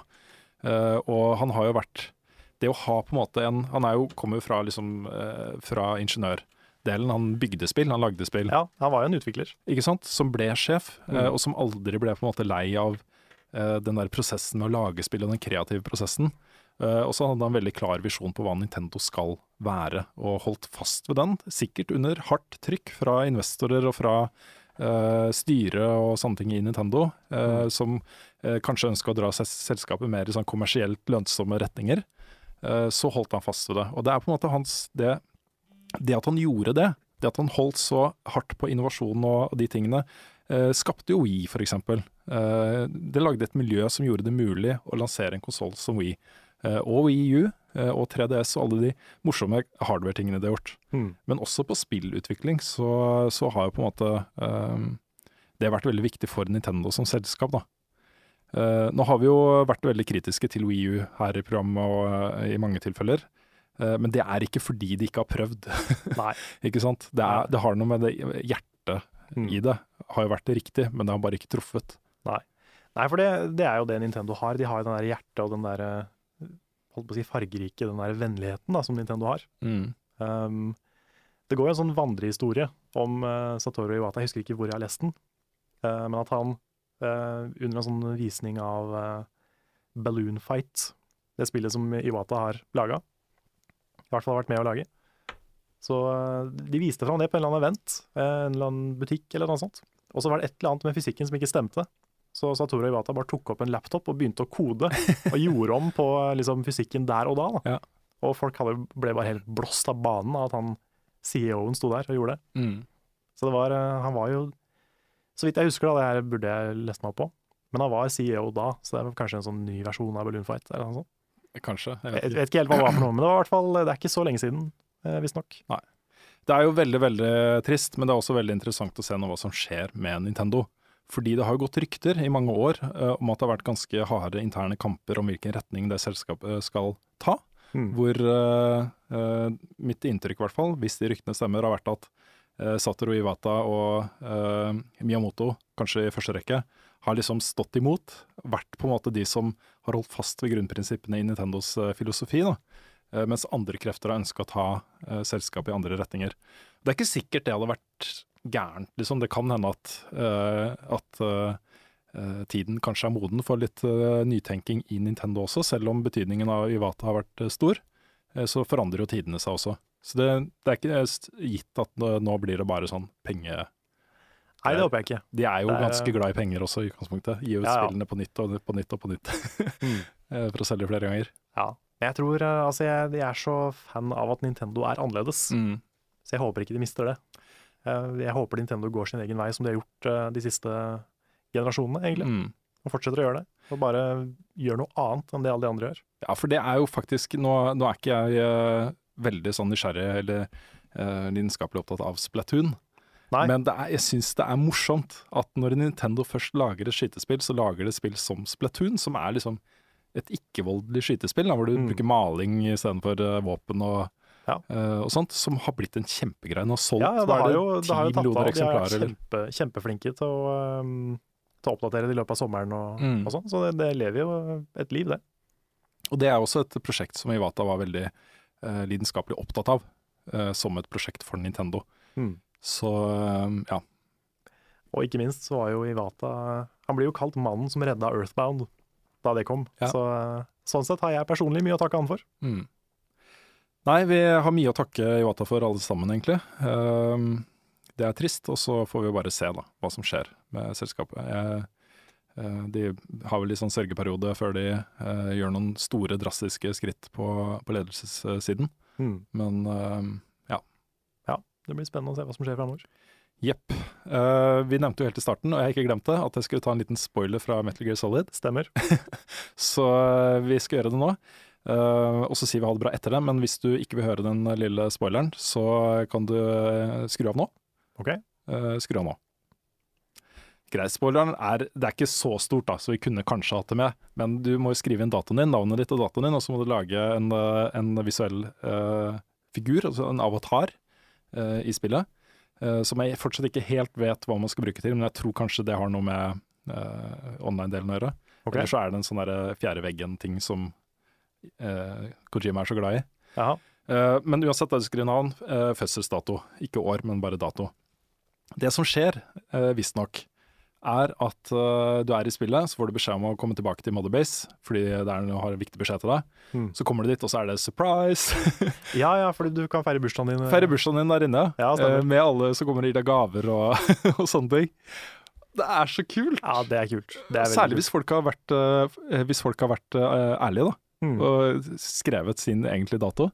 Så jeg har, jeg har ikke sett den videoen, for det finnes jo YouTube-videoer av dette her ute nå. Jeg har ikke sett den ennå, fordi jeg vet med meg selv at når det blir 8. juli neste år, så har jeg lyst til å starte det spillet og bare se hva som skjer. Se Ja. hva, få liksom en ekstra liten feiring på dagen min. Ja, det er kult. ja, for jeg skrev 8. juli. Jeg har vurdert det sterkt da jeg førte inn den datoen, og sette en dato som var liksom i dag, da, eller i morgen, eller Ja, ja. noe sånt. Men jeg tenkte nei, jeg, ja.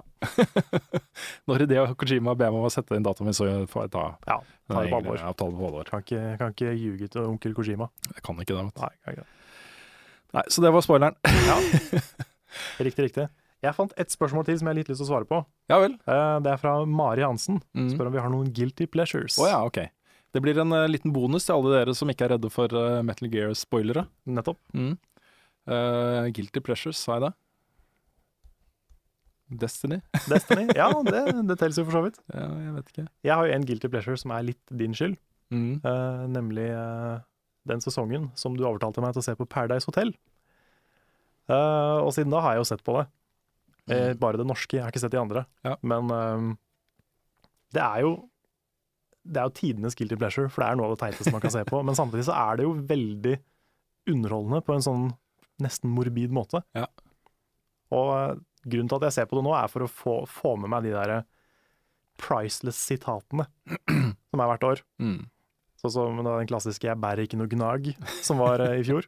Ja. Og i år så har det vært um, en som heter Kevin, som har noen sånne helt insane bra um, sitater. For eksempel dagen før finalen, så var han så Han var så oppgitt over at um, folk ikke festa mer. Så han liksom bare Han står der og bare sutrer og bare 'Folk er så kjedelige, og jeg vil steke'. ja. Og eh, han har også noen andre som er sånn han prøver å liksom unngå konflikter, da. Og eh, sier at eh, 'du var med på det, du var med på det, du var med på det'. Og så sier han eh, 'nei, jeg, jeg var og badet'. 'Ja, men du var der'? Ja. Og det er så mange sånne, da. Sånne Mm. moments som Ja. gjør at det, for meg så er det faktisk verdt å se på. Mm. Jeg skammer meg litt, men jeg syns det er utrolig morsomt noen ganger. Ja da, jeg, ser, jeg ser den også. I uh, gamle dager så var det jo amerikanske high school og college-filmer for meg. Uh, det var en periode hvor, hvor det ble laga veldig mange av dem, og Ja. mange av dem var veldig morsomme også. Men det var en sånn egen greie som jeg bare syntes var morsom å se på. Um, jeg tror kanskje den største guilty pressuren jeg har hatt de siste årene, er uh, Hunger Games, altså bøkene. Ja, OK. Uh, de er bra også, men de er jo ikke skrevet for meg. De er Nei. skrevet for 15 år gamle jenter. For det er jo side opp og side ned om kjolevalg og sminke og sånne ting, liksom. Og da, da vet jeg at jeg, jeg vet med meg selv at det ikke er målgruppen, når det Ja. er det. For det er jo ikke jeg opptatt av, ikke sant. Nei, nei, det Nei, jeg kan se den. Så kanskje. Men jeg digga de bøkene. Jeg slukte dem. Jeg syns jo filmene har vært spennende så langt. Ja, filmene blir en litt annen ballpark igjen, fordi eh, det er, eh, det er filmer, liksom. Mm. Der går det så i detalj på sånne ting, da. jeg vet ikke. Jeg syns det er bra. Det er ikke dårlig, liksom, men det er, eh, det Er det er Jeg er 42 år gammel mann, liksom, ikke en 15 år gammel jente. Ja, det er jo det er Hunger Games, det er ikke Twilight. Ja, det kunne vært verre, ja. Det Ja, er det helt, helt riktig. Jeg har faktisk lest en bok av hun som har skrevet uh, Twilight. Har du det? Uh, hun har skrevet en bok, jeg husker ikke hva den heter i farta, men det, er, det handler om noen sånn alien invasion-ting. Mm. Den leste jeg gjennom. Den var liksom helt grei, da. Men uh, det var jo først mange år etterpå at jeg innså at det var samme person som hadde skrevet Twilight. Ja, huff og huff. huff og huff. Jeg har jo sett alle filmene, faktisk. Og det er, det er jo 100 ironisk. Er Mm. sånn, jeg har ofte samla liksom en vennegjeng, og så har vi sett de, og bare sittet der og kost oss og ledd og sånn. Ja, ja. Det har vi gjort med gamle norske filmer og sånn òg. Mm. Det er jo kjempegøy. Ja. Jeg er jo kjempeglad i kleine filmer. ja, det blir noe annet. Ja. Altså, tida mi er så pressa også om dagen. Uh, jeg har liksom bare noen få timer på kvelden hvor jeg kan holde på med mine egne ting. Eh, så jeg orker ikke å bruke tida på ting som ikke er bra, liksom. Så hvis jeg først skal se en TV-serie, så må det være en bra TV-serie. Og hvis jeg først skal lese en bok, Ja. så må det være bra, liksom. Det må Mm. gi meg noe. Så hvis ting er dårlig, så legger jeg det bare fra meg med en gang. Ja.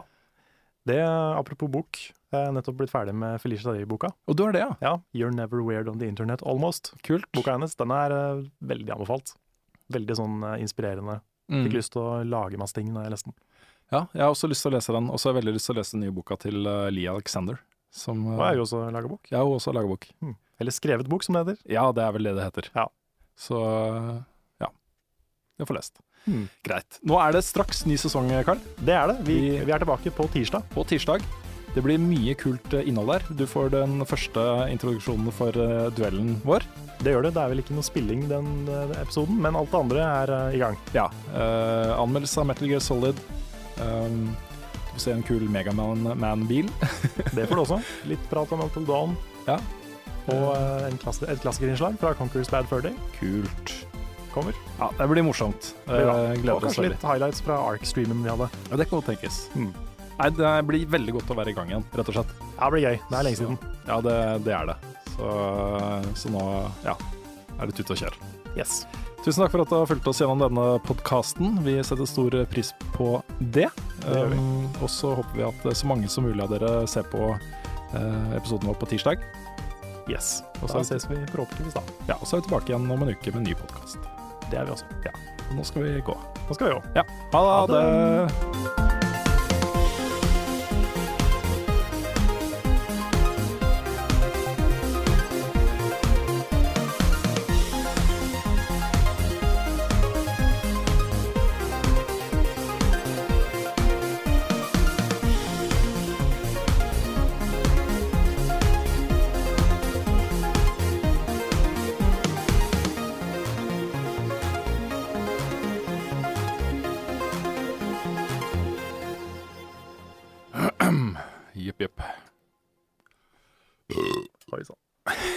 Oi sann. Det er en fin start. Ja, ta med den. Vi får ta med den.